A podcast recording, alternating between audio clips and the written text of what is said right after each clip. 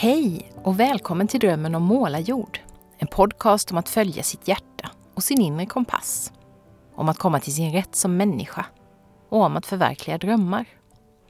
Jag heter Maria Estling Wannestål och i podden möter jag personer som brinner för olika saker. Som vågar lyssna inåt och känna efter vad som är viktigt för dem.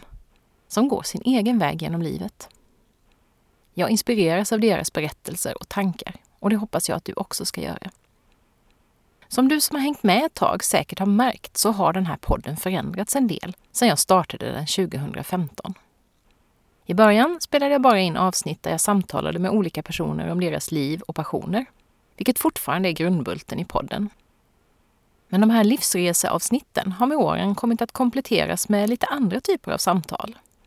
Det har blivit nyårsbokslut med min vän Sara Norrby Wallin varje år och poddklansavsnitt där Sara och jag tillsammans med vår vän Lisa Moreus reflekterar tillsammans utifrån en specifik frågeställning, ofta en lyssnarfråga.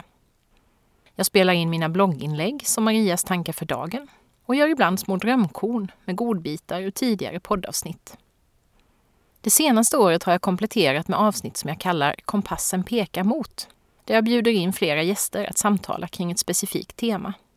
Och förra året gjorde jag och Lisa Moreus en julkalender, Lisa-Marias jultankar. Idag lanserar jag ytterligare en variant av Drömmen om målarjord. Här vill jag fånga upp poddgäster som jag tidigare har intervjuat om deras livsresor och passioner. Prata med dem om de liv de lever idag, vad som kanske har förändrats och vad som kanske har förstärkts. Först ut i ett sånt Vad händer nu-avsnitt är just min poddklans och julkalendermedarbetare Lisa Moreus som var en av mina allra första poddgäster i avsnitt 4. I det här samtalet pratar Lisa och jag bland annat om den där perioden mellan 40 och 50 då ganska många av oss upplever någon form av förändring eller behov av förändring i våra liv. Vårt samtal handlar också om självledarskap, om vad det egentligen betyder att leva sin dröm, om idéers olika sätt att ta form, om tankens kraft att skapa förändring om tarotkort som ett briljant verktyg för reflektion. Om magi mitt i vardagen utan några som helst övernaturliga inslag. Om heliga ritualer.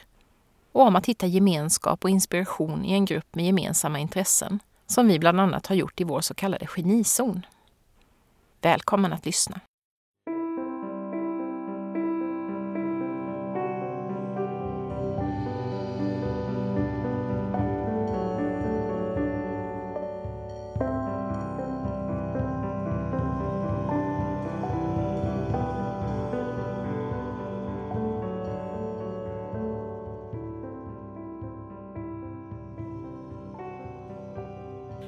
Lisa Moreus, välkommen till Drömmen om målarjord. Tack, tack, tack.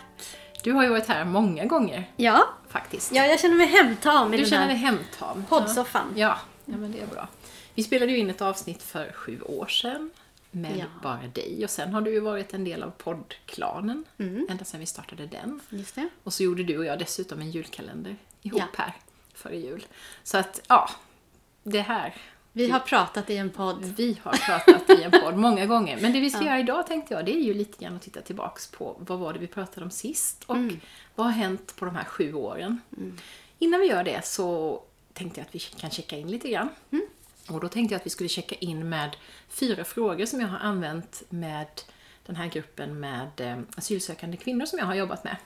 Det är min nya grej i podden, Ah, att plocka några frågor därifrån. Och då har vi haft så här lite oavslutade meningar som man bara fortsätter. Och då om jag frågar dig, eller säger det här. Just nu känner jag mig... Just nu känner jag mig förväntansfull och lite, lite osäker på vart det här samtalet är på väg. Ja. Jag är glad för... Jag är glad för, ja, men jag är glad för det här sammanhanget och att vi ska spela in podd ihop, att det är jätteroligt. Jag är jätteglad för vår julkalender som vi gjorde. Jag är glad för ganska många saker. Jag är glad för mitt liv. Nu kommer en svår en. Mm. Det sista jag tänkte på innan jag somnade igår. Eller det sista som jag liksom funderade på Oj. sent på kvällen. Det sista jag tänkte på innan jag somnade igår. Ja, eh, faktum är att det nog var vilken buss jag skulle ta hit idag. Nej men för vi hade ju lite, vi hade en lite rörig morgon på Messenger kan man säga. Med olika bud hit och dit om huruvida vi skulle checka in digitalt med våra vänner, du och jag och våra vänner. Och att jag skulle ta bussen hit och att jag kan inte göra det mitt i incheckningen men å andra sidan. Och sen kanske vi inte skulle det. Och sen kanske vi skulle det. Ganska förvirrat var det. Ja, lite hit och dit. Så det, jag tror att det var, det sista jag tänkte var jag behöver inte lösa detta nu. Det löser jag, ordnar sig imorgon bitti. Ledde det till någon stressdröm eller? Nej, det gjorde faktiskt Nej, inte det.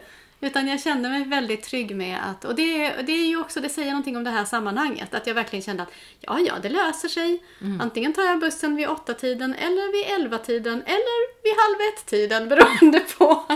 och det löser sig och eh, det finns tid och ja, en skön fredag är det idag på det Ja. sättet också. Att det inte finns så väldigt mycket måsten och tider utan det finns roliga saker som vi vill göra och Mm. då hittar vi bara ett sätt att göra dem på. Just det. Ja, men det är väl en del av ett gott liv, tänker jag. Ja. Ta sådana dagar ibland. Ja, verkligen. Och det är jag också, om jag får gå tillbaka till det förra, så är jag väldigt glad för det. Eh, Att, eh, för jag har, haft, jag har också haft lite rörigt, eller inte, inte rörigt, men lite stressigt de senaste dagarna. Jag har haft en deadline som har gjort att jag har fått, eh, och lite olika möten också. Sådär. Så där kan, som det kan bli i början av året, att saker bara tar fart utan att jag var riktigt redo. Just det. För ditt nyår har inte riktigt börjat än. kanske. Nej, Det brukar börja i när? Jag Februari tycker, jag tycker att året börjar i februari. Mm. Men, eh, och det kanske vi säkert återkommer till. Men i alla fall så var det skönt att idag är en lugn dag som jag får bestämma själv. Vilket också gjorde att jag inte har drömt några stressiga drömmar i natt. Vad skönt. Och sen kommer vi till den sista lilla lätta då. Om jag skulle beskriva mig själv med ett enda ord. Nej! Just nu, vad är det? Med ett ord är du Ett inte ord. riktigt klok. Ehm, Det här funkade jättebra kan jag säga i gruppen med asylsökande kvinnor. Då tänker jag att du som har så mycket vana att reflektera, du fixar nog ja, problemet är att jag har också väldigt mycket ord. Ja, det kan vara ett problem. Eh, men om jag skulle beskriva mig själv med ett ord. Det första ordet som kom upp i min hjärna var splittrad, men det tänker jag inte säga för det är ju jätte... Det vill jag inte alls vara och jag ty, tycker inte att riktigt att det kännetecknar mig heller. Kanske möjligen otålig eller... Nej, jag vet, nej det här var för svårt Det var för enkelt. svårt. Det kanske kommer ett under tiden som vi Ja. pratar här. Vi får se. Jag tänker att det där första ordet jag sa som var förväntansfull är nog ändå kanske det som... Nej, jag vet inte. Nej, Nej, det det, var för svårt. svårt. Det var för jag, svårt. jag säger pass. Får jag, får jag säga vilket Ja! ord jag tänker på när jag tänker på dig? Ja. Då tänker jag nog engagemang. Mhm. För sån ser jag dig. Du är Ja. engagerad i allt du gör. Jag har aldrig sett dig vara lite sant. sådär, lite blasé eller lite så. Du Mm. är en otroligt engagerad människa. På många olika sätt. På gott och ont. På gott och ont. Mm. Det kommer vi säkert återvända till också. Ja, jag känner Mm. att det är inte lögn. Nej. Då stannar vi där. Du, nu ska vi ju titta tillbaka lite grann på det här ehm, som vi spelade in. Och det är faktiskt sju år sedan. Jag fattade inte riktigt att det var så länge sedan. Men det är ju sju och ett halvt år nu som nästan som jag har hållit, ja det är sju och ett halvt år som jag har hållit på med den här podden. Vilket i sig är obegripligt. Och du var en av de allra första gästerna. Eh, Så jag tänkte att vi kommer plocka lite trådar därifrån och så kommer vi prata om lite annat och sådär. Men det kan vara spännande att se vad har hänt på de här sju åren. Och då pratade vi, för då ställde jag den där frågan, vem är du? Inte med att du skulle behöva besvara den med ett ord, så jag har blivit lite elakare med åren. Men då sa du så här att den frågan får olika svar, olika dagar. Därför att jag är inte samma person varje dag. Och då tänkte jag på ett avsnitt som vi spelade in med julkalendern här. Där du pratade om de olika rummen man kan gå in i och där du hittar liksom olika delar eller personligheter hos dig. Du har den obstinata tonåringen och du har kanske den här Frankensteins faster fanns där lite grann. Alltså det fanns lite olika delar av dig. Så om du skulle svara på den frågan, vem är du idag? Och du får använda lite fler ord än bara ett. Vad skulle du säga då? Finns det, och, och lite kanske koppla det till vem du var då för sju år sedan och vem du är nu. Ja, just det. Ja, men jag lyssnade ju lite på det där, eller jag lyssnade igenom det där avsnittet på bussen på vägen hit och kände verkligen att jag ju inte är samma person. Att det var lite, det var verkligen som att lyssna på en, en annan version. en yngre version bland annat. Och, nej, men att det, var, det är verkligen olika faser och olika tider och Ja. så. Och jag tror, om jag skulle jämföra mig själv med min, liksom den, den jag var då, för sju år sedan, så tror jag att jag är... eh, Det är viktigare för mig nu att... Det är viktigare med ensamtid nu än vad det var då, till exempel. Jag är ganska social ibland när jag vill, men det är också viktigt att vara för mig själv och det har blivit starkare. Liksom. Och då, jag vet att jag sa i i det poddavsnittet att jag är snart 40, sa jag. Och nu är jag då snart 47. och det känns, det kanske inte låter som jättestor skillnad, men, eh, men det känns som att det är det. Det känns som att jag är på andra sidan en gräns på något vis. Är det inte så att det för många händer ganska mycket mellan 40 och 50? Jag tycker Mm. om jag tittar runt i min bekantskapskrets i alla fall, Mm. så kan jag se ganska många som jag tycker har förändrats ganska mycket. Mm. Som har fått syn på någonting. Eller, alltså det är lite det där man är ofta, i många fall om man har haft barn till exempel, så är man kanske förbi det här småbarnsstadiet. Man har börjat ja, fundera lite mer på vem är jag? Och man kanske också har det här perspektivet med att nu har jag jobbat ganska länge. Ska jag fortsätta jobba med det här eller ska jag göra något annat? Alltså många sådana lite ganska existentiella frågor tror jag Ja, väcks mellan de åren där. Och jag var ju då...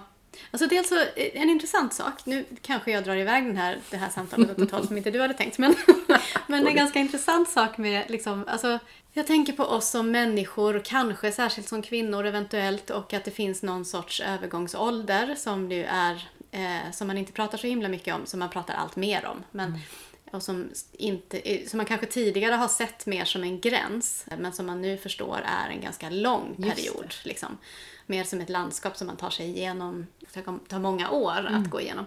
Och att det på ett sätt blir lite tydligare kanske om man har barn. Jag har ju inga egna barn. Och för mig så blir de där kapitlen inte lika tydliga. Nej. Alltså det är inte så att jag har liksom en, en, småbarn, en period när jag var småbarnsmamma och sen när barnen flyttade. Liksom den, att, att relatera sig själv och sina kapitel till sina barn är ju inget jag kan göra för dem, eftersom de är obefintliga. Och då kanske... Ja, jag vet inte, jag har funderat lite på det om, liksom det, om man på något sätt får hitta andra... För att jag känner ju samtidigt väldigt tydligt att jag är i ett annat kapitel i mitt liv nu än vad jag var för sju år sedan. Jag är inte en annan person, jag tar tillbaka det lite, men jag är i ett annat kapitel. Det finns en annan... Det landskapet ser lite annorlunda ut nu. Mitt inre landskap. Mitt yttre landskap är till förvillande likt. det, ser, det ser väldigt mycket likadant ut på ytan, men inuti så är det faktiskt ganska annorlunda. Det funderade jag på. Men ja, så att jag, jag är kanske... Ja, men jag är lite äldre. Och jo, en sak också är ju så här att då var jag ju ordförande för Växjö Röda Korskrets. Så jag var mitt i ett väldigt betungande ideellt engagemang. Som jag ju också hoppade av för att jag höll på att gå i bitar. Så att jag, när jag lyssnar på den versionen av mig själv då tänker jag ju, åh, om jag kunde ringa tillbaka och säga, hörru du, jag, jag vet att du tror att du fixar det där jättebra, men jag tror kanske att du inte ska ställa upp igen. Alltså du kanske ska kliva av i nästa årsmöte, det kanske är en bra idé. Så slipper du kasta dig ut liksom, Ja. ur uppdraget för att det inte funkar längre. Så, så att jag var liksom, jag var ideellt engagerad då. Och idag så känns det som att jag fattar inte hur jag orkade det.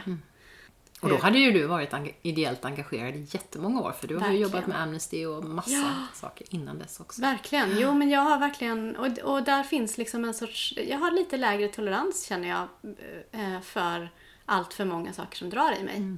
Och eh, jag behöver få mer, få mer fokus. Ja, lite olika saker. Så att då var jag liksom... Jag var mitt i ett ideellt engagemang samtidigt som jag jobbade med att stötta ideella organisationer och coacha företagare, vilket jag ju inte gör idag längre. Så att det är faktiskt ganska många saker som Ja. är rätt så annorlunda än eh, vad, inser jag nu när jag pratar om det. Ja. Även yttre saker liksom är Just det. faktiskt ganska... Inte bara den här inre om Nej. mm, större behov av ensamhet och större behov av kanske lite färre trådar Precis. eller bollar i luften samtidigt och så. Mm. Men det, jag tycker det där alltid är spännande att, att titta tillbaks på. För det, ibland känns det ju som att man är samma, alltså för att precis som att man ibland när man till exempel har barn eller djur eller vad som helst som växer så ser man inte riktigt det och så kommer det någon utifrån det. och hälsar på och säger herregud vad stor Ja, du har blivit. Och så tänker, tittar jag och så bara, ja det är klart. Men Ja. jag har ju inte sett det för jag ser ju Nej. den här personen precis, man är ju med sig själv varje dag. Så att ibland är det intressant det där och jag tyckte också det var jättekul att lyssna på liksom och höra det där. För jag vet ju, jag har ju följt dig sedan dess så att jag Ja. vet ju också att det har ändrats en massa saker och så. Samtidigt som jag kände att det var också väldigt mycket Lisa redan då. Jag tänkte bara, åh, du var ju så klok redan då. Och det har då inte blivit någon, du har ju nog inte blivit Redan- mindre klok åren. Redan när jag var 39 Ja, var jag ganska klok. Ja, nej men så vissa saker har vi ju i oss klart, med oss visst. hela tiden och annat förändras. Och det är, väl, det är väl spännande och tur att det gör det, att vi inte bara är precis likadana hela tiden, för det gör ju livet mer spännande också. Mm. För det innebär ju kanske att vi öppnar dörrar till nya saker och hittar nya delpersonligheter i oss själva som vi kanske inte var så bekanta med innan. Och, och. Mm. Precis, släpper fram några mer och ja, kanske precis. andra får vila lite. Och så. Just det. Ja. Eh, Du nämnde ju lite sådär bara om, om ditt företagande. Du jobbade mycket med ideella organisationer och det gör du fortfarande. Men något som jag blev lite nyfiken på det var att du sa när jag fick frågan, eller när du fick frågan av mig, lever du din dröm? Så sa du att ja, det gör jag. Och då undrar jag, hur känns det? Hur har den drömmen förändrats? Och känns det så nu också? Eller hur, hur tänker du kring det där? Att, Ja, alltså grejen är ju att eh, det finns så många drömmar, så lite tid. ja, Helt det enkelt. är väl det vi alla brottas med. Så att liksom... eh, Och, och för mig är det också... Jag tycker att det är så svårt. Det är lite som när man säger... Om någon har varit utomlands ett år och så säger man till den personen, hur var det? Mm. Ja. Hur var det där Hur ska jag året? kunna och sammanfatta då är ju det? ett helt år. Det Ja. har ju hänt massa saker. Det är klart att Just det har det. Mm. varit upp och ner och hit och dit och så. Så att ännu mer, liksom, lever du din dröm? Ja, jag lever några av de drömmar Ja. som jag och sen, och sen har jag några andra som står här precis utanför bild och ropar och säger Mm. men ja då, men ja då. liksom. Så att jag, jag skulle väl säga att, alltså så här då. Jag skrev ju min bok, jag har den här Mm. eh, bredvid mig, Brinna, att göra skillnad som ledare i en ideell organisation, skrev jag 2012. Så den fyllde 10 år i, igår höll jag på att säga, men jag menar förra året, Förra året. 2022. Vilket ju liksom, och jag, jag jobbade visserligen lite med ideell sektor innan dess också, men jag har alltså gjort det i, under lång tid. Och det är klart att det fortfarande är som en dröm att få göra det, för att jag jobbar med viktiga, fantastiska organisationer. Alltså jag kör ett ledarskapsprogram just nu med en av Sveriges största miljöorganisationer, de ideellt engagerade. Ja. Jag kör det för övrigt till stör, största delen digitalt, Ja. vilket var en dröm jag pratade om då. Exakt, det tyckte jag var så roligt också att du var precis faktiskt- och hade ja. börjat fundera på det då. Men Så det är ju jätteroligt att kunna göra det dist- på distans. Ja, och jag hjälper en annan, en människorättsorganisation med deras texter kring en viktig grej just nu och sådär. Liksom. Så, att, så jag känner, det är ju absolut en dröm. Samtidigt som jag också känner att det finns saker som jag vill göra kanske de nästa tio åren av mitt liv. Jag vet inte, men jag tror att under överskådlig framtid kommer jag nog att fortsätta jobba med den ideella sektorn på olika sätt för att jag brinner för det. Men det är inte nog, utan det behövs eh, några nya grejer också. Ja. Så det är lite nya drömmar som har kommit och knackat på. Och det är väl det där, alltså att då var du precis i det du ville göra just precis då, när du fick den frågan. Och då Ja. kan det vara lätt att svara på den och säga ja, jag lever Precis. min dröm. Men sen kommer det nya drömmar och det tar lite tid att hitta, hitta rätt i dem och förverkliga dem och så. Så att det där är ju inget, det, man kan inte säga att man har förverkligat sin dröm och sen är det färdigt. Sen är det liksom. klart. Nej, Nej. Det kan man ju möjligen drömma om, men Ja, så är det ju för väldigt få tror jag. För Ja. Det känns också, eller som jag upplever det i alla fall sen jag började, ja men det här med att lyssna mer inåt och sådär, det gör ju också att man, att det öppnas nya dörrar hela Mm. tiden. Som jag inte överhuvudtaget hade sett innan jag hade börjat med det. Då hade de säkert kunnat dyka upp men jag hade inte märkt det. För Just jag det. var ju så inne i Ja, hur ja, ja. min eh, karriär till exempel skulle se ut, eller hur mitt liv skulle levas. Mm. Så det här när man börjar liksom öppna sig lite mer för det här spännande som kan hända så, så kan ju också, eh, ja. Då kan drömmar förändras och eh, skapa frustration också ibland såklart. Ja, just för att man. Mm. inte, ja, plötsligt så finns det så många möjligheter som man överhuvudtaget inte Mm. visste innan. Så det är både, ja, men det är både bak och framsida med det. Mm. Eh, Men jag tycker ju ändå det är mest Ja, men, och, det, och för mig är det liksom inte, det spelar ingen roll om det är bak eller framsidan, utan det här är det som, det här är mitt Det är liv. som det. Alltså, så här vill jag leva. Ja. Eller så här lever jag. Jag kan inte, jag kan inte se något alternativ riktigt Nej, nej. Till, att, till att det är så att, att man förverkligar en eller flera drömmar och sen dyker det upp nya. Mm, Och, och sen gäller det ju liksom på något sätt att se, vill jag inte det här alls längre? Eller är det vissa delar som jag inte vill? Eller vill jag det fast på ett annat sätt? Och just det här liksom, ja men också, det tror jag vi har pratat om någon gång också. Är jag, är jag trött på det här?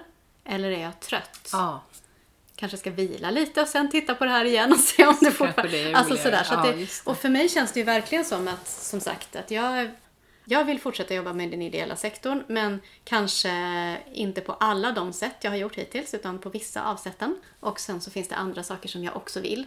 Och jag vill, åtminstone som det ser ut nu, så vill jag inte ha ett ideellt uppdrag också. Nej, för det nej. fungerar inte riktigt med allt annat jag vill göra. nej. Och det tycker jag du sa en så viktig sak där, det här med att ett ideellt engagemang, även om man tänker att det är på fritiden, Mm. så tar det samma del av hjärnan i anspråk som ett jobb gör. Så man kan inte säga att det är en avkoppling, utan Nej. det är egentligen bara att fortsätta jobba fast obetalt. Ja, Så, och så det är ju en viktig sak att få syn på om man känner att, att det blir för mycket.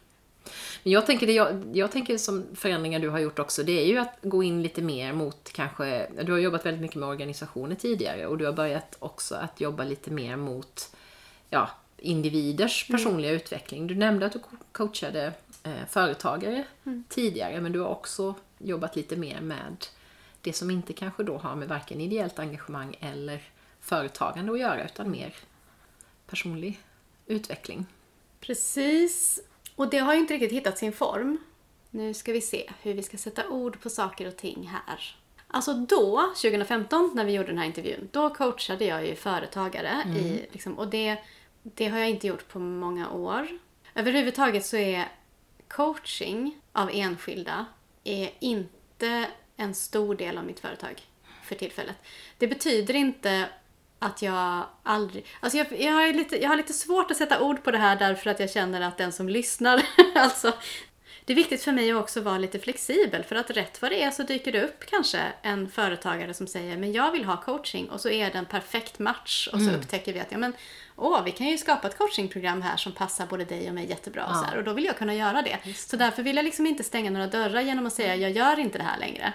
Så att, varje, så att kära lyssnare, varje gång jag säger det här gör jag inte längre, ta det med en nypa salt för det kan mycket väl hända att jag, att jag plötsligt gör det imorgon. Ja, just det. Nej men det är faktiskt viktigt att Ja. jag har liksom hela verktygslådan kvar. Jag kan ju göra precis vad jag ju vill. Precis, och jag tänkte ju på det här, du skapade ju en kurs till exempel. Eh, är det, var det för, förra året? Ehm, Vilken en, av alla kurser? Ja, vilken av alla? Nej, men en som, som handlade mer om personlig utveckling än organisationsutveckling eller ideellt engagemang.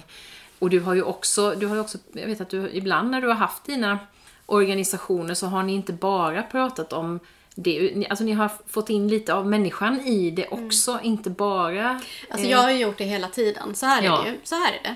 Att när jag började utbilda i ledarskap så insåg jag ju väldigt snabbt att ledarskap är ett ord som man kan säga som öppnar dörren Mm. och gör att man kan börja prata om allt möjligt. Just det. Därför att ledarskap handlar om, i alla fall som jag ser på ledarskap, så handlar ledarskap om personlig utveckling, Mm. om mod, och om att eh, hantera relationer och om att förstå, känna sig själv och förstå sig själv och varför jag reagerar som jag gör och vad som är viktigt för mig och mina värderingar. Massa sådana saker. Så att man skulle nästan, det finns vissa saker som ingår i ledarskap som är alltså eh, Särskilt om man då pratar om ideellt ledarskap, Ja. liksom där, så här, hur fungerar en demokratisk organisation? Det. Och det finns massa sådana saker som... Men, men väldigt mycket av det jag pratar om i ett ledarskapsprogram skulle lika gärna kunna ha rubriken Led dig själv eller personlig utveckling eller sådär. Mm. Så då, har egentligen inte, då är det egentligen inte en större förändring där, utan det har Nej, egentligen det- funnits med hela tiden Ja, då, det kan kanske? man säga. Både och. För att det är liksom, om vi pratar om de organisationerna som jag jobbar med. För då har jag ju, till exempel har jag upptäckt att eh, många organisationer efterfrågar eh, några av de bitarna som finns i ett ledarskapsprogram fast för till exempel medarbetare. Mm. När det handlar om att leda sig själv. Så självledarskap, har varit en Självledarskap, sån ja, sak. Som liksom, eh, men då är det fortfarande organisationer som köper in en kurs eller en utbildning. Och överhuvudtaget så har det ju, jag har jobbat så väldigt mycket att jag har i kontakt med organisationerna. Kunderna hör av sig och säger vi har det här behovet.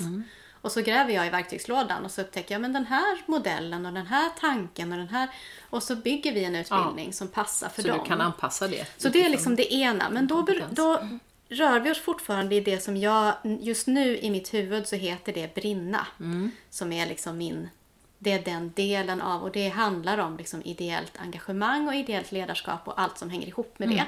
Och bygger till delar då på din bok. På helt enkelt. boken och på alla det de, liksom, det som jag Sådär. på mig på de tio år sedan jag skrev boken Ja. också. Liksom. Eh, Så många olika saker. Och det, Mm. Men det är den eh, lådan liksom. Ja, det är den lådan. Och där är en sak som jag, när jag liksom sammanfattade förra året, alltså 2022, och går in i 2023. En sak som jag har upptäckt är att under 2022 så försökte jag ju väldigt mycket skapa tjänster och sälja till den Ja. målgruppen. Och utan att det funkade särskilt bra. Utan det som funkade bra var just när kunderna säger vi har det här behovet. Så att det har jag bestämt mig för att i år så tänker jag, så tänker jag vara i kontakt med mina kunder och jag tänker liksom skapa tillsammans med dem och för dem och utifrån deras behov. Jag tänker inte sitta på min kammare och hitta på någonting och Nej. sen hoppas att någon... Så.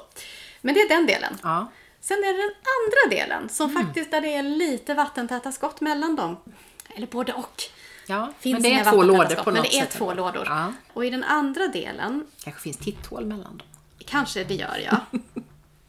Den andra delen är ju den som jag har liksom famlat efter under hela förra året. Och egentligen innan dess också. Där liksom pusselbit för pusselbit för pusselbit. Det är, det är verkligen som ett, jag vet inte hur jag ska beskriva det, men det är som att liksom utforska ett landskap och Ja men om man tänker sig att man utforskar ett landskap och så är det mörkt och sen tänds liksom en strålkastare åt, Just det. åt gången så att man ser, jaha så ser det ut där fast det är fortfarande inte helheten. Och så, nu fick jag det, okej, så, så, ja. Och så försöker man navigera i det där då. Så en av de sista pusselbitarna som föll på plats förra året var ju att det här nya ska vara på engelska. Ja. Till exempel. Och sen handlar det mer om, det, han, det, in, det handlar inte om ideell eh, sektor och överhuvudtaget inte om organisationer. Utan det handlar om individer. Och det handlar om magi, vad nu det är.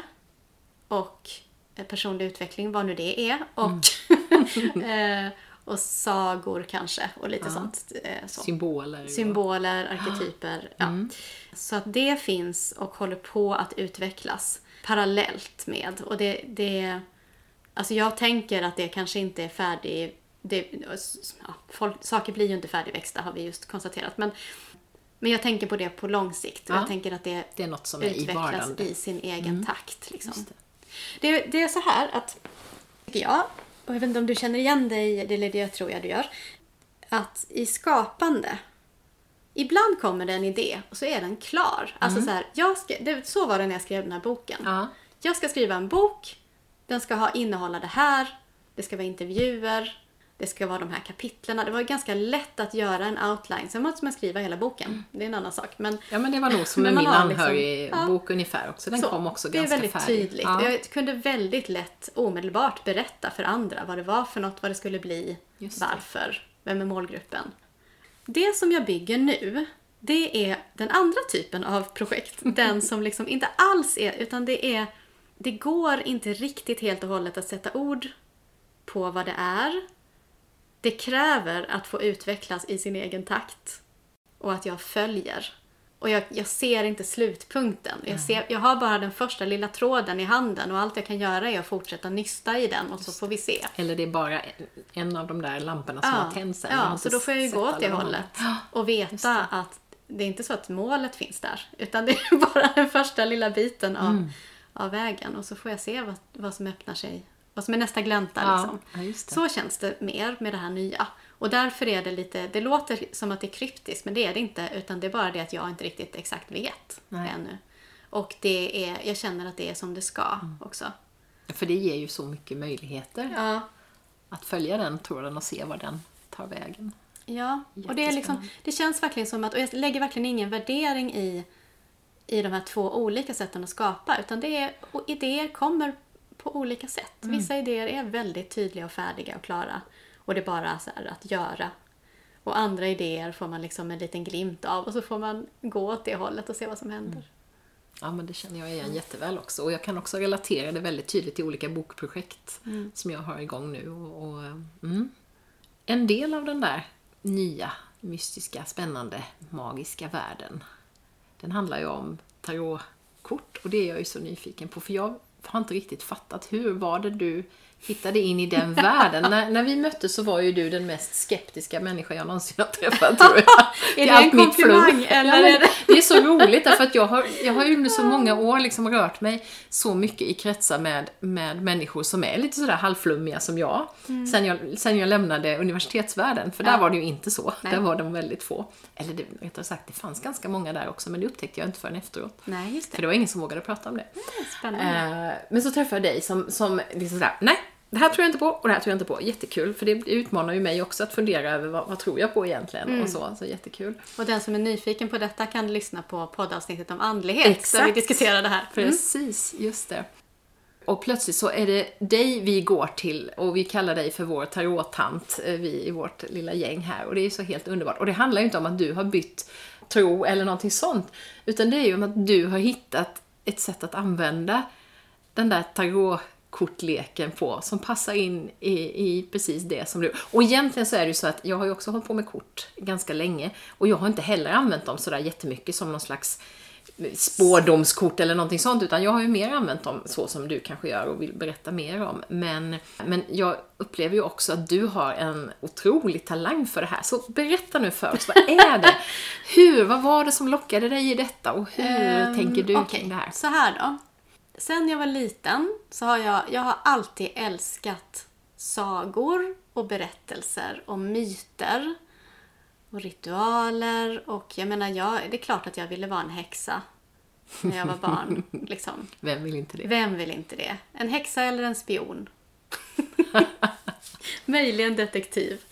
Ja, men så mysterier och det mystiska och liksom sagovärldar har alltid varit väldigt viktiga för mig. Och jag har också, alltså den utbildning som jag har gått till coach, coactive coaching, bygger väldigt mycket, det, det finns ett, ett stråk av eh, gestaltterapi Aha. och eh, dramapedagogik och så i det. Just Så att det finns en del så här, liksom lite rollspelsövningar eller lite liksom... Och, och just det här att tänka, alltså ja men det finns en, en... eh, För att tänka på olika perspektiv till exempel så kan vi ibland... Det kan vara lättare att göra det, att byta perspektiv kan vara lättare om vi slänger in storytelling i det. Och om vi leker lite. Och, och skapar liksom... Om det är någon som undrar vad som låter så är det dina underbara kattungar som försöker ta sig in i rummet. Så att det finns. Och sen har jag liksom aldrig, utom någon enstaka gång, så jag inte, jag har inte använt mig så mycket av de verktygen. Fast jag älskade dem. Och även alltså det här du pratade om, huset och rummen och, och de olika personligheterna. Det kommer till Mm. Det kommer exempel från coachutbildningen. Fast jag har då, som jag alltid gör, jag tar saker och så gör jag det på mitt eget sätt. Mm. Okej, så det har liksom alltid funnits med som ett, som en, ja, som ett stråk fast jag, har inte, jag har inte riktigt hittat ett sätt att använda det liksom professionellt. Nej. För att mina utbildningar och så... Alltså jag tror att de som har gått ledarskapsutbildningar och- med mig kanske inte är jätteförvånade över det här. Nej. För att jag tror att det smyger sig in. Och det är liksom, jag menar, när jag ska prata om att gå utanför sin komfortzon så ritar jag ett slott Ja, med krokodiler. med krokodiler Just runt. det. Det. är en del av det här. Liksom. Att, att för mig är det lättare och roligare och ro, framförallt roligare om jag får stoppa in lite storytelling och lite... Och likadant liksom när jag pratade om... Ja men här om, det var inte, all, inte alls länge sedan när jag höll en ledarskapsdag, när jag pratade om olika sätt att rekrytera medlemmar eller få organisationen att växa. Så jag, det som kommer naturligt för mig är att rita tre personer på tavlan. Och sen göra tre karaktärer av dem och så tänka den här gjorde så här, den här gjorde så här. Vad hände sen? Alltså så, här, så att på något sätt så finns det liksom alltid med. Och sen är det samtidigt, det är komplicerat för mig för att jag, samtidigt så är jag allergisk mot många såna här teaterövningar till exempel. Eh, falla i varandras armar och allt. Alltså det gör mig, ja, mm, då flyr jag. För att jag har liksom den här också lite, jag har ganska stark fysisk integritet. Jag tycker inte liksom, ja jag kan tycka att fysiska saker är jobbigt ibland. Så, så att liksom, det, jag har, ja, det är lite, Ja. mm, det är lite, it's complicated, It's complicated. Mitt, min relation till sånt. Plus att jag som sagt också har bottnar ganska tydligt i vad jag tror på och inte tror på när det gäller det övernaturliga eller så. Ja, vilket också gör att jag... Det är klart att jag skulle önska att jag trodde att världen var magisk på det sättet att jag kan göra en trollformel och eh, lägga olika saker i en kittel och så kommer det att hända saker, materialisera saker på riktigt. Det är klart att det vore ju helt underbart om jag, våg, om jag kunde tro på det. Liksom. Och, men jag gör ju inte det helt Nej. enkelt. Inte jag heller kan jag säga då. Men däremot, vad jag tror på och vad jag vet är sant är att tankens kraft är enormt stark. Och att vi påverkar oss själva och varandra och därmed världen genom hur vi tänker och, och sådär. Så att, så att varför inte om vi gör en ritual där vi liksom bränner upp, skriver det som hände förra året som vi inte vill ta med oss in i det nya på lappar och bränner upp dem. Ja, men då kanske det, och liksom, ja, helt enkelt att eh, ritualer och, och mysterier och att leka, att leka magi. Jag tror inte att det finns några övernaturliga krafter eller andar eller sånt som kommer in och löser mina problem för att jag pratar till dem på rätt sätt. Eller någonting sånt. Men jag tror väldigt mycket på att att hur vi tänker på saker och hur vi känner kring saker och så påverkar våra liv och hur vi mår och våra relationer och i förlängningen faktiskt världen. Så att på, på, på något vis så, det är ju en slags magi i det. Så vi se om jag kommer ihåg vilken fråga du ställde från början. Jo men du, precis, det var en ganska öppen fråga om det här med tarotkort. Okej, så, så så är det. Men det, så det var liksom svar på så här hur började alltihop? Och sen så vill jag också säga, innan jag börjar prata om tarotkorten då, att de senaste åren har jag börjat känna att visst, jag kan stå och prata ledarskap och väva in det här. Och jag kan prata om självledarskap och då snuddar jag vid några av de här. Men jag behöver ett utrymme där jag får prata om det här utan att ha en ram. Utan att tänka, men det här kan kopplas till ledarskap för att liksom. Utan där jag bara får gå rakt in i, i myterna och sagorna och, eh, och metaforerna och arketyperna och liksom bara gå loss. Liksom. Så det har jag längtat efter. Eh, att skapa en ny plats för det. Och sen koppla det också faktiskt till det vi pratade om förut med liksom stadier i livet och så. Att jag känner att jag är, på, jag är i en transitionsfas eller ja, när är man inte det å andra sidan? men, men på något vis så är det liksom någonting som händer eh, och jag kliver in i nästa kapitel i mitt liv. Och då blir ju myter och arketyper också väldigt praktiska att ha. För att det, det går att sätta ord på saker just där. Så att när man liksom på något vis av en eller annan anledning återupptäcker sig själv och funderar över vem är jag nu? Vad är viktigt för mig nu? Då tycker jag att de här verktygen, alltså eh, ja, men metaforer och myter och sagor och så, är så väldigt praktiska och roliga att använda.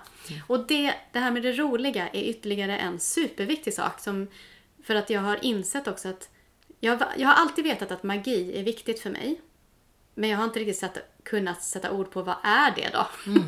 för det är uppenbarligen inte en magisk tro. Utan det är något annat. Magi är för mig någonting annat. Och då har jag kommit på att en viktig komponent är lekfullhet. Och glädje och fnitter. Liksom. Det är en del av magi för mig. Som jag längtar efter jättemycket. Sen var det Susanna Conways fel alltihop. Just det. Som ju är en eh, fotograf och lärare, utbildare, eh, bland mycket Bloggare annat, och- skribent. Ja. Som har gjort ett antal fantastiska digitala kurser. Och du jobbar ju med hennes årsmaterial. Precis. Förra avsnittet så pratade vi om det. Exempel. Susanna Conways namn har dykt upp då och då i den här podden säkert också. Och hon lanserade en kurs som hette Tarot for your inner child. Alltså tarot för ditt inre barn. Och jag är, har ju då varit oerhört skeptisk till tarot. Det har liksom, tarot för mig, det har varit en del av den delen av andlighet som jag inte riktigt, som jag verkligen inte kände igen mig i och inte vill ha något med att göra riktigt. Så jag tänkte tarot, och nej vad tråkigt, det har jag ingen lust med.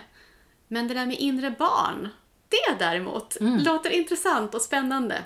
Jag har tänkt på ja, mitt eget inre barn och så, men kanske i en lite mörkare len, eh, lins, så heter det inte på svenska, genom mörkare glasögon. Men just det här att det var lustfyllt. Tänk att få leka med sitt inre barn. Inte bara försöka fundera över hur man ska eventuellt läka det eller eh, så. Eh, vilket vi kanske alla behöver göra. Så. Eh, I alla fall. Tänk att få leka med sitt inre barn. Därför gick jag den kursen. Och då råkade jag bli blixtförälskad i tarot. Alltså verkligen, jag blev, jag blev lite upprörd över varför har ingen talat om för mig att tarotkort är det mest sp- spännande och fantastiska som finns i hela världen. Här i en tarotkortlek så finns ju allt som jag har längtat efter. Det finns liksom, och då framförallt tarotkortlekar som kanske inte de gamla, de är också spännande på sitt eget sätt, alltså de som har funnits jättelänge.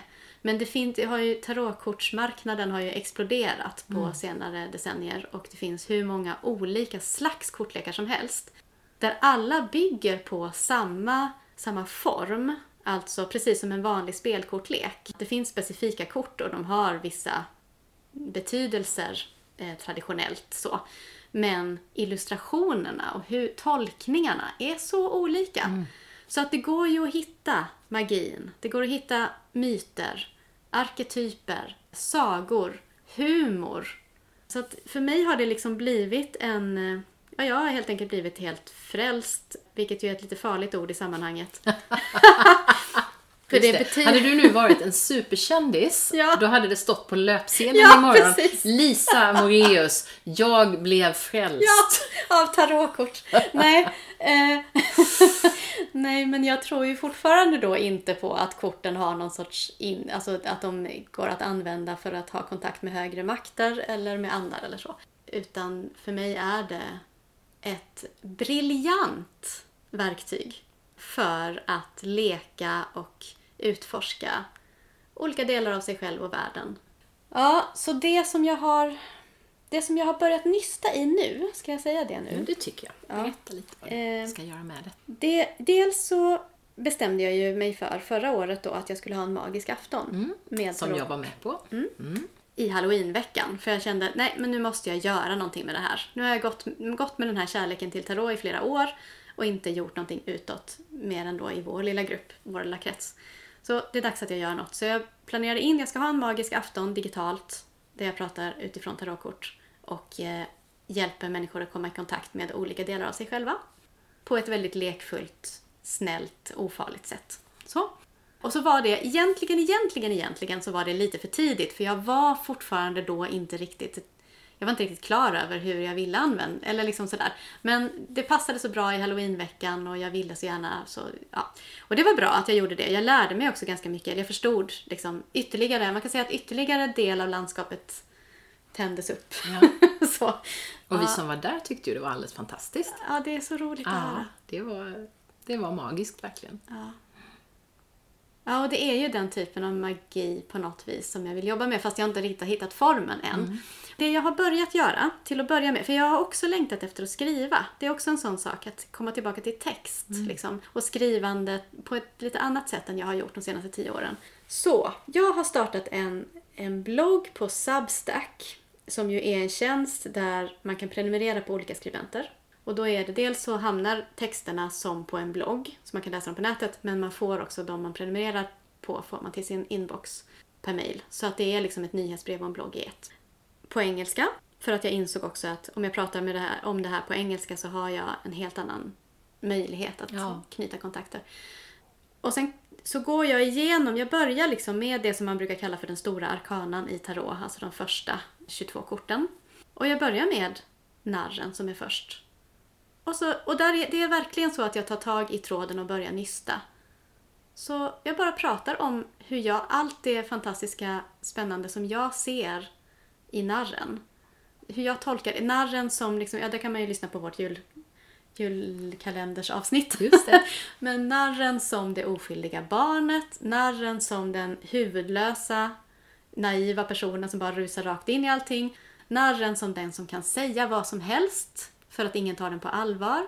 Narren som clownen, narren som sanningssägaren och så vidare. och så vidare. Det finns liksom, bara i det enda kortet så finns det hur mycket metaforer och arketyper som helst. Och så väver jag lite ihop med det med mitt eget liv och var jag är och vart jag är på väg. Och kanske, jag hoppas att läsaren också kan få lite nya bilder och kanske tänka Åh, så har inte jag tänkt på att man kan tänka. Och jag vill rikta mig till både den som redan kan väldigt mycket om tarot och använder tarotkort och sådär. Som kanske kommer att tänka, oj, kan man tänka på tarotkort på det här sättet? Det har jag aldrig tänkt på. Ja, det är ju så häftigt. Eh, men också hoppas jag kunna rikta mig till människor som inte bryr sig så mycket om tarotkort. men som tycker att det här låter spännande. Liksom. Skeptiker, alltså jag menar skeptiker som tycker det här är trams, det är inte för dem. Ni kan lä läsa min andra blogg som är på svenska och handlar om ideellt engagemang och ledarskap. Det går alldeles utmärkt. för det här nya är min lekplats där jag får bara gå loss och, mm. och jag vill bara prata om de här sakerna på mitt eget sätt och se vad som händer. Mm. Och sen tror jag att det kan bli digitala kurser, kanske coaching, kanske workshops. Inte vet jag. Men det börjar med de här texterna. Ja.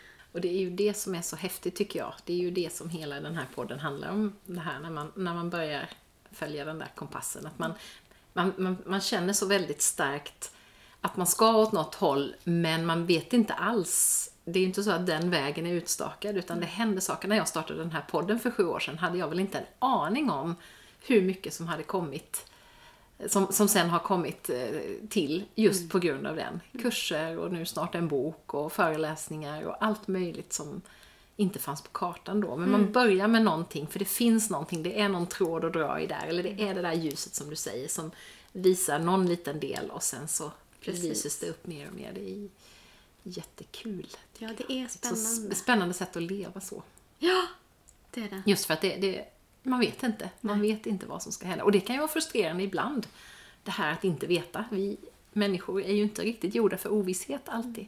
Men det finns ju också någonting väldigt spännande när det är på det här viset. Jo, ovisshet kan vara väldigt jobbigt på andra sätt när det handlar om tyngre saker. Men när det är det här just lekfulla, nyfikna. Och jag fick ju, det är också ganska roligt, du tror ju inte på någonting eh, som jag tror på, men jag fick ju, när jag drog mina kort för året, så fick mm. jag ju narren som vi har pratat så mycket om, mm. som mitt kort för året. Och sen fick jag magiken som det första kortet för januari och då hade jag valt ordet magi för mitt år så att jag tyckte ju det var, det var häftigt. Ja. ja, och där känner jag verkligen att att så, det kan man väl få leka? Ja. Alltså jag menar, det ja. kan man väl, det kan väl få det kan man väl tycka är fantastiskt att, att du drog just det kortet. Ja. Wow. Och så kan man se det som en slump eller så kan man som jag precis. tänka att nej men det var en mening med det. Ja, man kan tänka... Precis. Och man kan ändå få ut, få ut en massa av eh, korten. Jag tror att det som, det som är viktigt för mig, det är eh, alltså det som gör att, jag, att, jag, att det är så viktigt för mig att säga vad jag tror på och vad jag inte tror på.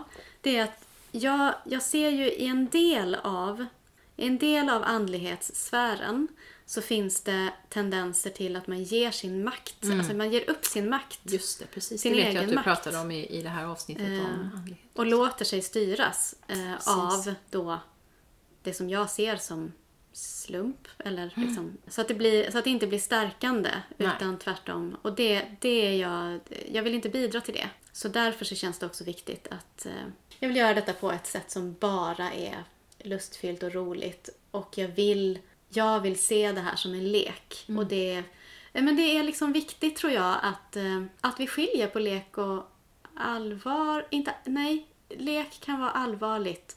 Eh, Den allvarsamma leken. Ja, oj oj. Till exempel. Nu blev det. Ja. Men i alla fall så, nej men helt enkelt. Jag vet, för länge, länge sedan följde jag en kvinna som heter Morgana Ray som, har, som sysslade med att hjälpa människor med relationen till pengar. Hon har för, all, för, för övrigt samma coachutbildning i botten som jag. Vilket gör att hon jobbar med, hon jobbar med relationscoaching med din relation till pengar. Och det du gör då är att du föreställer dig pengar som en money honey, som hon mm. pratar om då.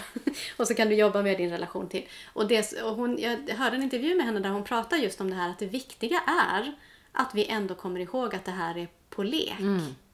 Alltså jag säger inte att det finns en en sorts ande som heter pengar och som du ska ha en relation med. Det är inte det jag säger. Utan, så att det är liksom viktigt med... Men precis, ja. och det är väl där det här med ja, men sagor och symboler, alltså det är ju, och myter. Mm. De är, det, vi ska ju inte tolka dem som samma sak. Det är inte forskning det handlar om Nej. här, utan det här är någonting som kan inspirera oss, som vi kan ha glädje av, som kan mm. öppna upp. För det är det jag tänker att du gör när du när vi jobbar med tarotkort till exempel i vår genizon som jag tänkte vi skulle prata lite om också om vi hinner.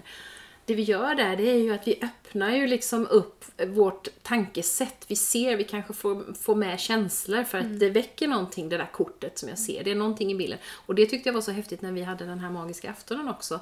Att vi, vi fick ju varsitt kort om jag minns rätt. Eller vi fick varsin, varsitt kort ur Arkana men vi fick det i flera olika Från flera olika kortlekar. flera olika Samma kortlekar. Kort från flera Samma olika- kort från flera kortlekar. Och det var ju så häftigt att vi då kunde se vad är det som tilltalar mig? Vilken, vilken typ av bilder? Och vi pratade om det här för vi använde det i min livstidscirkel i tisdags. Och då eh, pratade vi just om hur olika kortlekar tilltalar oss Mm. och vad vi kan se i dem. För jag kan ju känna att en del av de här tarotkortlekarna, de väcker absolut ingenting Nej, bra nej. hos mig. Ingen som helst inspiration. Medan det finns andra som sätter igång en massa spännande processer för att det är, ja, det är bilder som tilltalar eller Mm. det är som, någonting som utmanar eller så. Så det är det som jag tycker är så häftigt, att det ger någonting mer än bara ett samtal där vi sitter och pratar med de ord vi har. Alltså vi får någonting mer med Mm. Precis. oss. Och det finns två saker till i det. Det ena är att det bypass, jag vet inte vad man säger på svenska. Det går liksom förbi, det kan göra att vi kommer förbi olika föreställningar vi har, olika, Mm. liksom, vi kommer på något sätt direkt till kärnan därför att vi leker och, och liksom, alltså när jag säger leker så blir jag samtidigt så här, usch jag, jag vill inte leka, jag tycker det är ett fånigt eh, och så blir det så här, fruktsallad, nej. Vad jag menar är att vi, när vi liksom pratar, när vi tar ett kort och så pratar vi om vad, vad händer i det här kortet? Eh, och så pratar vi om det istället för om den här jobbiga saken kanske. Mm. Eller, och då kan det hända att vi inte hamnar i samma tankespår som vi Nej. alltid gör. Utan Exakt det. Mm. plötsligt är det en ny väg som öppnas och det är spännande. Det är det ena. Det andra är att genom att vi pratar om korten, jag har ju lagt upp några här bredvid mig bara för att, Mm. eh, bara för att eh, ha något, eller det är roligt och trevligt. Och det gör också att om du och jag till exempel skulle prata om de här två korten, då skulle vi ju hamna bredvid varandra automatiskt Ja. och ha blicken på bordet På- på, de här korten. det. Och då blir det också lite lättare ibland att prata än om vi sitter mitt emot varandra, öga mot öga. Mm. Så att det blir också, det blir också en sorts liksom eh, att man, eh, en distraktion eller hur jag ska säga. Ja men som gör att vi kan, att vi kan prata om det som ligger på bordet. Mm. Och inte bara bildligt talat utan faktiskt bokstavligt, Bokstavligt talat att vi också. lägger Ja. några kort på bordet som vi kan prata om istället att för att... om. Ja, visst. Och det är väl, jag tänker att det är lite samma, samma effekt som det kan bli ibland när man träffar nya människor. Jag kan ha, ibland tycka det är jobbigt det här när man ska, jaha vad ska vi prata om nu? På en fest till exempel. Och så får man en uppgift man ska göra, man ska lösa någonting eller man ska tänka ut, man ska sk- till och med skapa något, kan kännas jättejobbigt. Men bara det att vi får någonting Ja. Att fokusera på tillsammans gör att plötsligt så har vi öppnat upp och så kan vi snacka med varandra Ja. hur bra som helst. Visst, precis. Så att det är ju det där. Man pratar om conversation piece, eh, liksom. Mm. En, eh, en fånig vad heter det, skulptur som står i ett hörn Mm. som gör att ja, men det gör, då kan folk prata om den. och så Precis. är samtalet igång. Ja. Ja, så Ja. Det, är, det är några anledningar att Ja. jag tycker om tarotkort och att det kommer att vara en del av vad jag nu ska göra. Just det. Ja.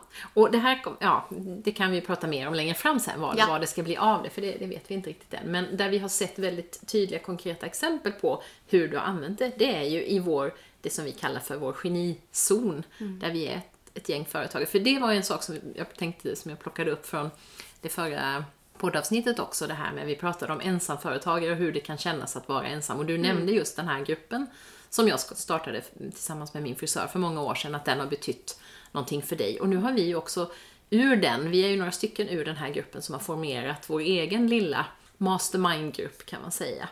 Och där har vi ju, vi har ju haft jätteglädje av den i ganska många år nu. Det har varit lite medlemmar som har kommit och gått och sådär, vi är en kärna. Men något som har tagit den, tycker jag, till nya höjder på sistone, det är ju att du har fört in tarotkorten i våra träffar. Det är inte så kanske att vi använt dem precis varje gång, men det här att vi har precis det där, vi har fått någonting att titta på som inte är precis det där. För vi har ju, alltså det blir ju lite lätt också när man är ett gäng som ses gång på gång på gång, att man ibland halkar in i samma banor och man ältar sina bekymmer och det blir, blir just lätt det. sådär. Så det här är ju ett sätt att lyfta blicken och Ja. göra någonting annat. Och det vi gjorde nu senast, vill du berätta om det? Vad var det vi gjorde? Ja, nu ska vi se om jag kommer ihåg. För att det var vi ju... fick ju fyra kort. Mm, exakt, så här var Var. det ju att eh, det var ju en av oss som sa eh, Jag vill ha något med kort, Lisa. och, kan vi, och jag vill att ni andra ska dra kort, tror jag hon sa. Eller någonting sånt. Mm, ja, det Ja, ja, och så hittade jag på i stunden en, en liten metod som var att, vi, att en person i taget då var i centrum. Och den personen fick till exempel ställa en fråga om den ville eller bara helt öppet. Sen drog vi andra kort och då använde vi inte tarotkort för det, de är lite komplicerade. Man behöver veta lite kanske mer eh, för att kunna tolka dem. Utan vi använde någonting som eh, en kortlek med lite tänkvärda citat eller vad man ska säga som är riktade också till kreativa människor. Mm. Eh, Så var och en fick dra ett kort och sen så fick vi en minut att titta på det kortet och fundera lite. Och sen så fick vi säga någonting till den personen som var i centrum. Så gjorde vi. Och sen när vi hade gjort det en omgång, då ville ju all, vi alla ha samma sak. så, så det gjorde, körde vi ju det hela dagen. Hela rundan liksom. Där en i taget fick... Och jag tror att din fråga till exempel var ju, hur ska jag ha med mig narren Mm. under året som jag Just har det. dragit som kort? Och så drog vi va- varsitt kort och så stod det kanske till exempel nu kommer jag inte ihåg om det var det kortet som dök upp, men det är ju ett kort som är mitt favoritkort, och förmodligen ditt också, kanske. I den här kortleken då, där det står Fill your cup with sacred giggles. Just det. Alltså fyll din bägare med heligt fnitter. Det har jag knyckt i ett av mina inspirationsbrev. Ja, alltså det är ju Det så, är så bra. bra. Det är så bra. Och då kunde jag ju titta på det kortet och tänka lite, vad vill jag säga till Maria om narren utifrån det här kortet? Och det funkade, ja det funkade jättebra. Det funkade jättebra. Ja. Så varsågod och sno denna metod, alla Ja. som lyssnar. Och det här tycker jag det är ju så häftigt med den här gruppen just. Att vi har, men vi har setts ganska länge nu, men vi har utvecklat, vi, det, det bygger ju egentligen på att var och en får en tårtbit av tid som man får använda till vad man vill. Och ibland har vi använt den väldigt konkret, man har bett om tips eller man har bollat idéer eller jag har ett problem jag behöver lösa och lite så. Men just det att man får välja vad man vill ha den där tårtbiten till har varit så himla värdefullt. Och så har vi ju ganska många gånger uppfunnit saker i stunden.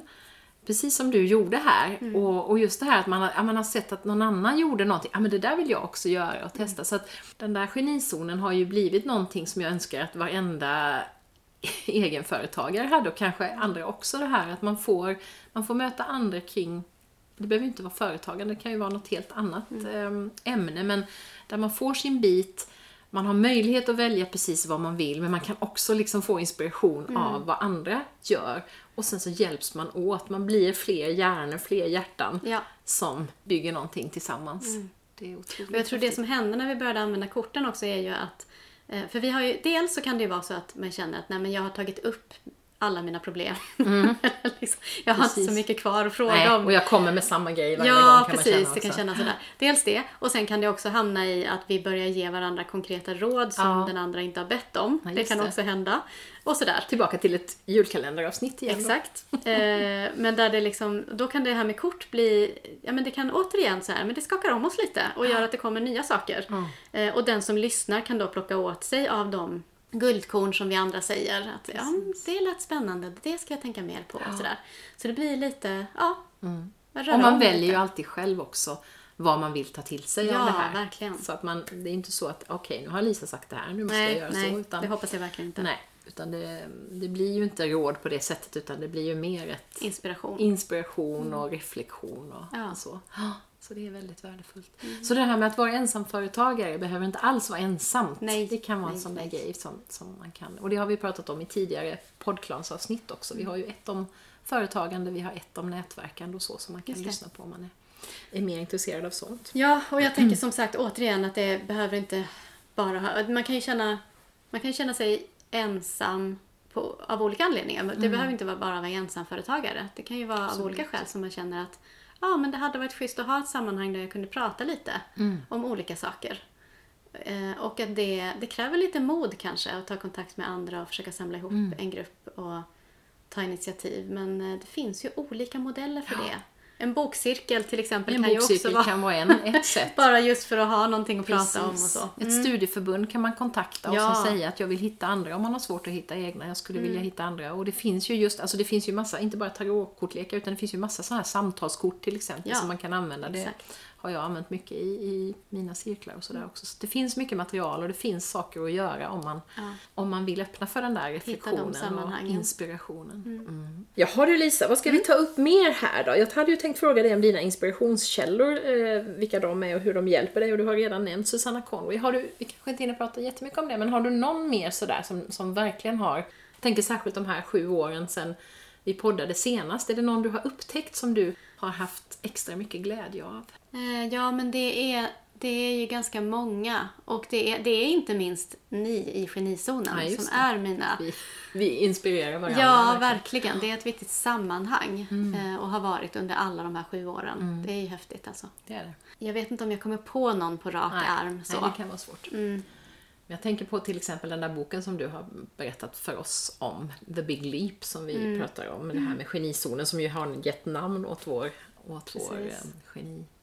Genigrupp då, som Mm. vi så ödmjukt kallar oss. Och det, det mm, kanske inte är min största inspiration. Det var också väldigt länge sedan jag Mm. läste den och jag är inte säker på att den är särskilt bra. Men eh, Men vi har ju fångat någonting ja, väsentligt exakt. i den. Den modellen. Ja, Ja, det här med bra. att få vara där, där man känner att man kommer Ja. till sin rätt som allra mest. Ja. Det, det är ju någonting att, att bära med sig. Mm. Sen är det ju en sak till som jag skulle så gärna vilja att du berättade lite kort om i alla fall. Och det är ju att du är den människa jag känner, tror jag, som är bäst på det här att ha, ja men lite heliga ritualer eller rutiner. Det här med morgonrutin och veckorutin och det du gör med din man varje år och sådär. Vill du berätta lite? Vi tog det lite väldigt, väldigt kort i, i julkalendern. Men du, har ju, du är väldigt bra på sånt. Att, för där tänker jag att du skapar den där magin Ja.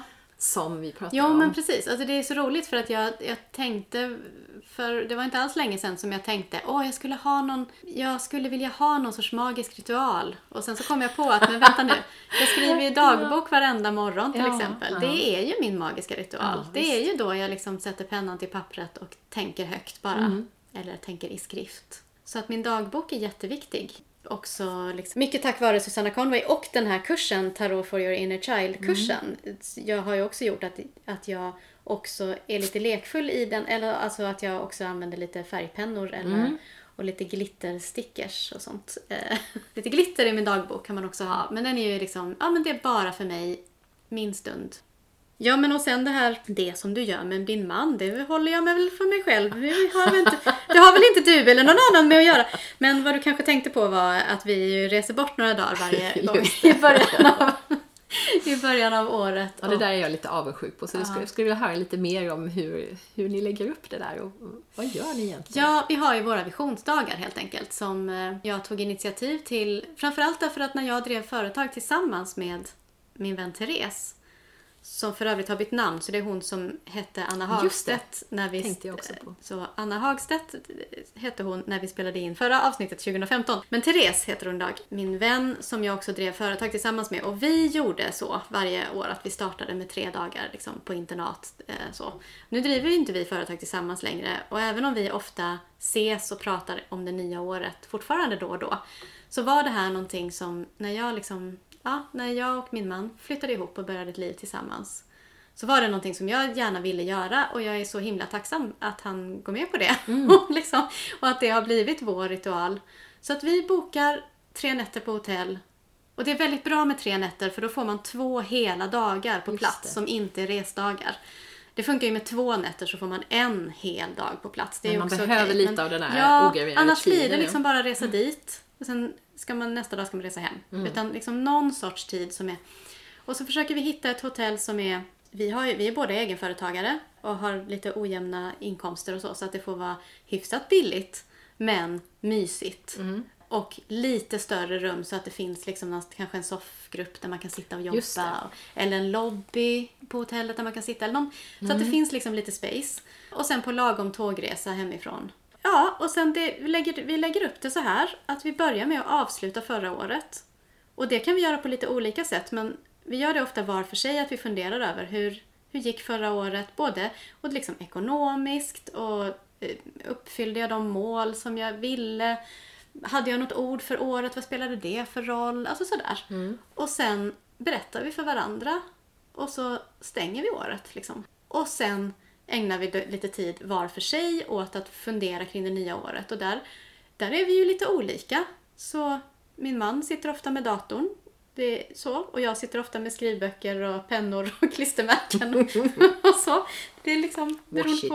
Och sånt. Precis. Och om man vill liksom, man kan göra precis hur, hur abstrakt eller konkret man vill. Antingen att bara kanske, ja men det här ordet vill jag ska prägla året eller det här är mina drömmar. Eller väldigt konkret, men det första kvartalet vill jag få gjort det här och andra kvartalet vill jag få gjort det här. Det är liksom beroende på. Och det kan handla om företagandet, det kan handla om hälsa, det kan handla om trädgården och huset och vad man vill. Vill vi göra några resor ihop i år? Så det finns ju dels hans år, mitt år och vårt år. Liksom. Just det, där ringarna går. Precis. Eh, och, där man då, och sen så berättar vi för varandra och så pratar vi om det. Och det, det som händer är... Det som är viktigt är ju verkligen att, att vi inte tvingar oss själva in i någon sorts exakt form. För vi är ju som sagt vi är olika och dessutom är det hur jag vill planera mitt år nu är inte samma sätt som jag ville planera för ett år sedan Nej. till exempel. Så att man gör det så stort eller lite som man vill. Men vi får en bra start på året och vi får också tillfälle att lyssna på varandra och, och höra både varandra och oss själva. Det är ju det. Jag hör ju vad jag säger när jag pratar med någon annan. Ja, visst. Ja, det är så jag så. får syn på, aha, Det är är, det här värdefullt. Mm. viktigt för mig? Så. Men också att vi under året, alltså när man vet varandras drömmar och vart man vill vara på väg så kan man ju stötta varandra på något annat sätt Mm. Också. Plus att man också kan ta upp saker som, ja men jag tycker att den här delen av vårt gemensamma liv har inte riktigt funkat så bra Nej. som jag önskar förra året. Kan vi hjälpas åt att göra det på ett annat Just sätt? man har någonting att referera till som Ja. betyder någonting. Det tror jag är jättebra. Och överhuvudtaget så är ju det där att vi ofta, när, vi, när det dyker upp saker, så det här skulle vi behöva prata om. Så att istället för att göra det lite sådär i stunden eller så, att faktiskt säga, ska vi ta ett möte om det? Och så lägger vi in det i kalendern. Mm. Och så pratar vi om det klockan fyra på tisdag. Hur ska vi göra med, ja, ska vi renovera fönstren i år eller inte? Ja. ja, men smart. För det är så lätt Ja. att sådana där saker bara blir, man tänker att man ska göra det men de blir liksom bara hängande Ja. i luften och ingen... Och så irriterade ja, både relationen och i det personliga. Och, eh, och, sådär. Så att, och sen liksom avslutar vi med kanske någon trevlig middag eller någonting och så känner vi att så här, ja, men nu har vi startat året. Nu, nu, så. Det är en väldigt, Mm. eh, Ja, det väldigt lyxig ritual. Ja. Som inte behöver vara så komplicerad och dyr Nej. heller. utan Nej precis, man kan ju göra det. Man kan ju också, jag menar, man kan låna någons lilla Ja. stuga och ta med sig mat. Alltså det behöver inte vara. Men just det där att, att avsätta tid och faktiskt... Jag tycker att det liknar ju... Jag har ju också en magisk bubbla, det är ju när jag skriver på Öland varje år. Och det, är, också en, ja, exakt. Mm. men det är också en ritual, den kommer tillbaka. Den ser inte likadant ut varje år. Eh, Framförallt för att vi är olika personer som åker dit. Men den, det blir en bubbla där. Mm. Jag kan fokusera. Det finns någonting. Eh, det finns ramar runt så att jag kan jobba med det jag Mm. verkligen vill göra. Och det betyder jättemycket för mig också. Så att jag tror ju på de där Ja. på de där mer eller mindre magiska ritualerna. Och så tänkte jag på mellan morgonsidorna och eh, detta Mm. Års. så har du också års, hela året så har du också veckoreflektioner som jag till exempel har Precis. anammat nu och börjat igen. Jag försökte förra året någon gång, höll på ett litet tag men sen så tappade jag det. Men nu ska jag försöka för jag känner att det ger mig någonting också. Ja. Att se Och jag kan också säga, alltså, för jag har ju jag har alltid skrivit dagbok, men jag skriver hysteriskt mycket dagbok just nu. Flera, många sidor varje dag. Ja. Eh, och så fick jag för mig att jag skulle, för tidigare år så har jag läst igenom mina dagböcker som ett sätt att avsluta året. Men förstår du hur mycket sidor det är om man skriver flera sidor varje dag? Det är ju som så här, läs de här tre romanerna Ja. liksom innan. Så här. Men, och då har de där veckoreflektionerna varit väldigt bra, för då kan jag läsa dem istället. Mm. Och så kan jag liksom, då är det 52 Ja. sidor Istället för istället för 50 eh, ja. Så att jag brukar ställa några frågor till mig själv helt enkelt i skrift Mm. eh, i slutet av varje vecka som handlar om veckan. Vad har varit bra? Vad har jag för efterklokheter? Den tycker jag är snällare? jättebra. För det är Ja. sånt som jag inte riktigt... är sånt här jag glömmer bort det. Som Mm. jag tänker i stunden att det här ska jag komma ihåg. Så här vill jag inte göra nästa Mm. gång till exempel. Och när jag, när jag sitter där då kommer jag ihåg det lättare. Mm. Eh, som jag tänker att det kan Och hjälpa. också det här att det är liksom, för mig blir det lättare att vara snäll mot mig själv. Istället för att jag går och ältar Ja. och tänker åh, jag borde ju, varför gjorde jag inte så där Mm. istället? Så kan jag bara ha en rubrik som heter efterklokheter så kan jag Ja. skriva ner de sakerna där. För Ja. de finns ju ändå i min hjärna. Så då kan jag säga alltså, ja, jag borde ha eh, packat dagen innan. Och jag borde ha sagt nej till den där saken istället för att säga ja. Exakt. Just det. Ja, bra, då vet jag det. Och med lite tur har jag lärt mig något. Ja. och eh, har jag inte det så har jag åtminstone skrivit ner det. Om det står sen. varje vecka under de 52 Ja. veckoreflektionerna så kanske det är så. Kanske eventuellt ja, men att det är ett då, tecken. möjligen nästa år Exakt. är det dags. Ja. Ja, men det, det inspirerar Ah. mig jättemycket, det, det du gör. så. Det, för jag tror ju också mycket på, jag tror på, det har vi pratat om mycket också, men det här med någon slags ramar, Mm. ritualer, rutiner. Det kan låta fyrkantigt, det kan låta, låta tråkigt, men det kan skapa så mycket Mm. magi också i Verkligen. sig själv. För det handlar ju om hur man gör det och vilken känsla man går in i det med. Nu sitter jag ju med den här veckoreflektionen varje söndag och tycker liksom Åh, nu får jag sätta mig här Mm. Och tänka på min vecka. Precis som jag sitter med Unravel då inför året. Det är ju Mm. min årsritual, att jag gör den och sen har jag min nyårspodd ihop med Sara till exempel. Och så. Så. Ja, och, och det, där är ju jag då lite avundsjuk. Dels är jag avundsjuk på att du får till de där skrivdagarna. Det är jag enormt avundsjuk Mm. på. Det är ju liksom, de brukar ju alltid vara där i maj och där har jag alltid en massa uppdrag för ideella organisationer. Mm. det. Det är en väldigt eh, arbetstät period. Medan jag ofta har ganska lugnt just den Mm, perioden. precis, så det att jag får hitta någon annan gång, augusti Ja. kanske eller något. Ja, I alla fall. Men det, och sen också yogan. Mm. Bland annat den här januari-yogan som du gör, som ju jag vill göra, men det händer ju för 17 inte.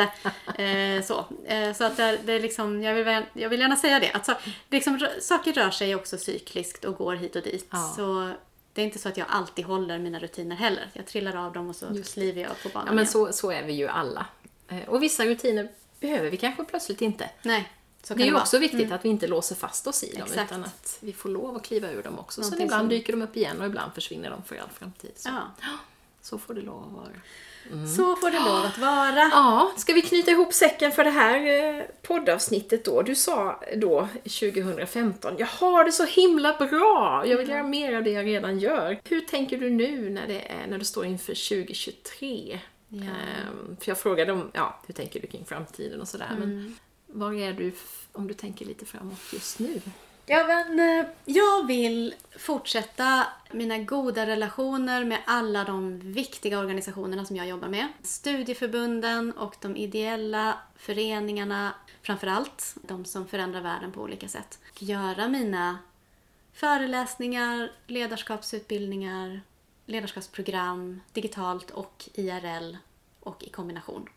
Det är jättekul. Däremot är det inte på det området som jag ska skapa så himla mycket nytt Nej. just nu. Utan där är det förvaltning av alla fantastiska saker som man kanske kan få, när man har jobbat med en sak i, i 15 år eller vad det är. Jag hörde mig själv säga 2015 att det var att jag hade jobbat i 10 år. Så Ja. att, ja, så det, Det är länge nu. Mm. Ja, nu är det ganska länge. Då kanske man kan få lov att inte hela tiden uppfinna hjulet på nytt utan Nej. använda sig lite av det som finns. Det. Eh, och att kombinera det på nya sätt utifrån vad organisationerna behöver.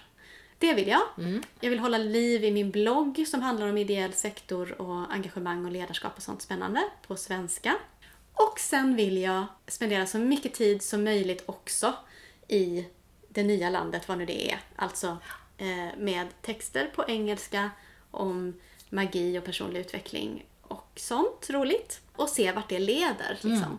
Så att om jag då sa jag vill göra mer av det jag redan gör så vill jag kanske göra, jag vill inte göra mindre men jag vill kanske, ja men jag, jag behöver lite mera, lite mera fokus. Lite mindre splittring. Lite färre områden. Färre saker på bordet samtidigt. och så samtidigt få fortsätta, få njuta av all den, alla de goda relationer och allt det jag har byggt och skapat liksom. Och så samtidigt, som jag verkligen har tänkt så, så igår, det var inte det sista jag tänkte på, eller det var nog det första jag tänkte på i morse snarare. När jag vaknade hade jag, råkade jag ha en idé i huvudet som handlar om att skriva en bok om projektledning i ideella sektorn. Men nu skulle jag ju inte göra det, för jag ska inte skapa Skulle nya saker.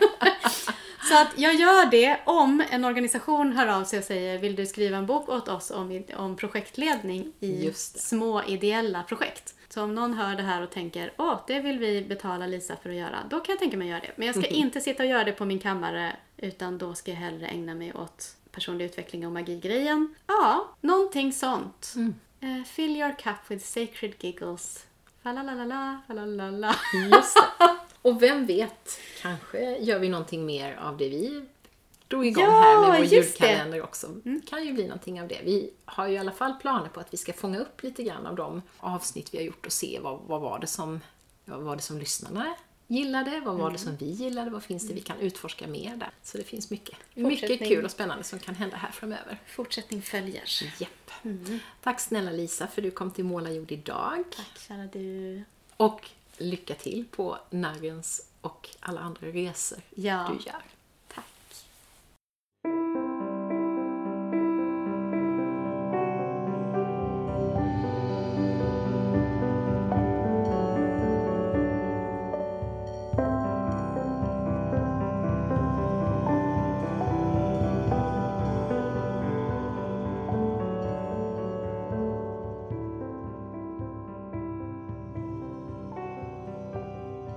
Lisa Moreus hittar du bland annat på hennes webbplats lisamoreus.se och på Instagram, dels under hennes vanliga namn, dels under namnet The Fool's Journal understreck Lisa. Väcktes det några tankar i dig när du lyssnade? Minns du vem du var för sju år sedan? Och vem är du nu? Är det någon skillnad i hur du lever och förhåller dig till livet? Har du några drömmar som skulle vilja bli förverkligade? Några idéer som det skulle kännas roligt att ta tag i? Och vilken relation har du till andlighet? I vårt samtal nämner vi två avsnitt av poddklanen Reflekterar. Det ena handlar om att driva företag för att få göra det vi älskar och är avsnitt 85. Det andra handlar om sammanhang och nätverk och är avsnitt 91. Alla gamla poddavsnitt hittar du på romanomalajord.se, på Spotify eller där du brukar lyssna på poddar. Ett litet tips om du skulle bli sugen på att samla ihop en grupp människor till en samtalscirkel eller liknande är min lilla webbaserade verktygslåda där jag delar med mig av mina bästa tips för att komma igång. Du hittar den på mariaestlingwannesdal.se. Jag fick precis häromdagen höra från en person som skaffat den för ett tag sedan att hon nu startat en jättefin cirkel och haft glädje av materialet. Och till sist, alla luckorna i julkalendern Lisa-Marias jultankar som vi pratar om i slutet av vårt samtal finns samlade på romenormalajord.se. Du hittar dem också i det vanliga poddflödet, exempelvis på Spotify. Tack för att du har lyssnat idag och varmt välkommen tillbaka.